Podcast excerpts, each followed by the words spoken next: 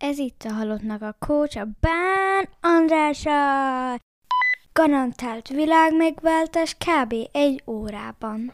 Volt egy állandó, semmi nem elég elvárás felém. Úgy éreztem, hogy bármit csinálok, soha nem elég. Éveken keresztül mindent elvállaltam, pont így az anyagiak miatt.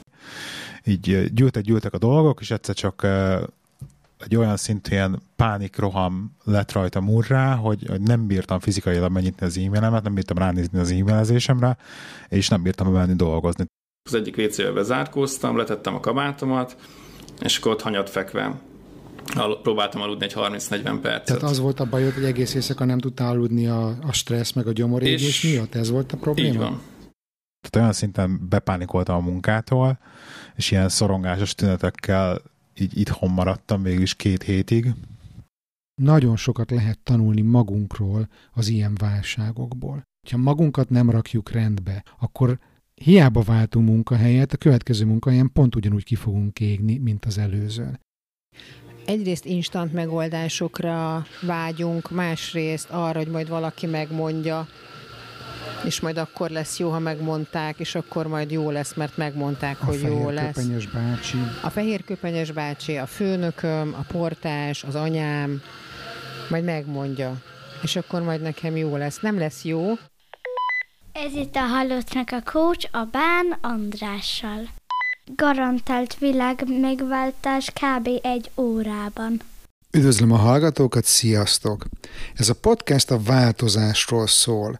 Arról, hogy egy krízis hogyan teremthet remek lehetőséget az újrakezdésre, a fejlődésre.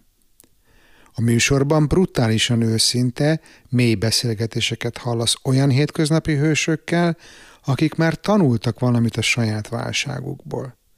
Időnként szakértőkkel vagy önmagammal vitatom meg a mentális egészségünk kulcskérdéseit, kertelés nélkül.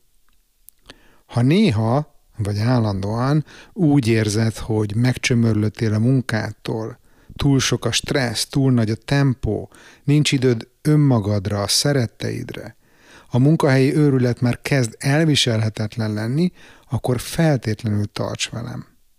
Vendégeim története inspirációt adhat neked is a változásra, ha mondjuk életközepi válságban vagy, karriert szeretnél váltani, mert értelmetlen a melód, vagy embertelen a főnököd, kiégtél, vagy csak szeretnél jobban odafigyelni önmagadra.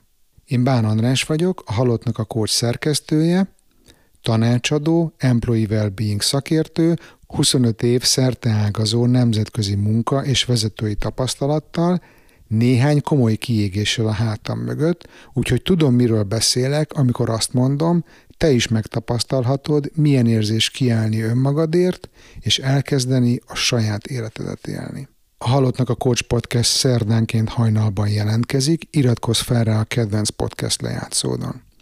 Ha szeretnél egy szuper társaság részévé válni, akkor csatlakozz az online támogató közösségünkhöz a Facebookon, keresd a Halottnak a Coach közösség csoportot, és ne felejts el követni az Instagramon. Amennyiben szeretnél velem dolgozni, akkor a részletekért látogass el a bánandrás.hu weboldalra. A bánandrás.hu-n feliratkozhatsz a hírlevelemre is, amiben péntekenként bepillanthatsz a kulisszák mögé, és megosztom veled, mi inspirál éppen, mit találok érdekesnek a világban. Iratkozz fel a Halottnak a Coachra a Patreonon exkluzív tartalmakért, és támogasd a munkámat havi egy kávé árával. Küldhetsz egyszeri támogatást is a Paypalon vagy a Revoluton, részletek az adásnaplóban. Ha még teljesen új vagy itt a csatornán, és nem tudod, hogy melyik adással kezd, akkor hadd ajánljam neked a 78. epizódot, aminek az a cím, hogy padlógázol a múlt is karrier csúcsára, és onnan nyugdíjba 40 évesen, vagy esetleg a 76-at, ahol egy pszichológussal beszélgettek maximalizmusról, perfekcionalizmusról és lámpalázról. Ha tetszik az adás, akkor ne felejts el feliratkozni a podcastra azon a lejátszón, ahol éppen most hallgatod. És kérlek, hogy mesélj a műsorról egy barátodnak. Bán András voltam, a mi hamarabbi viszont hallásra.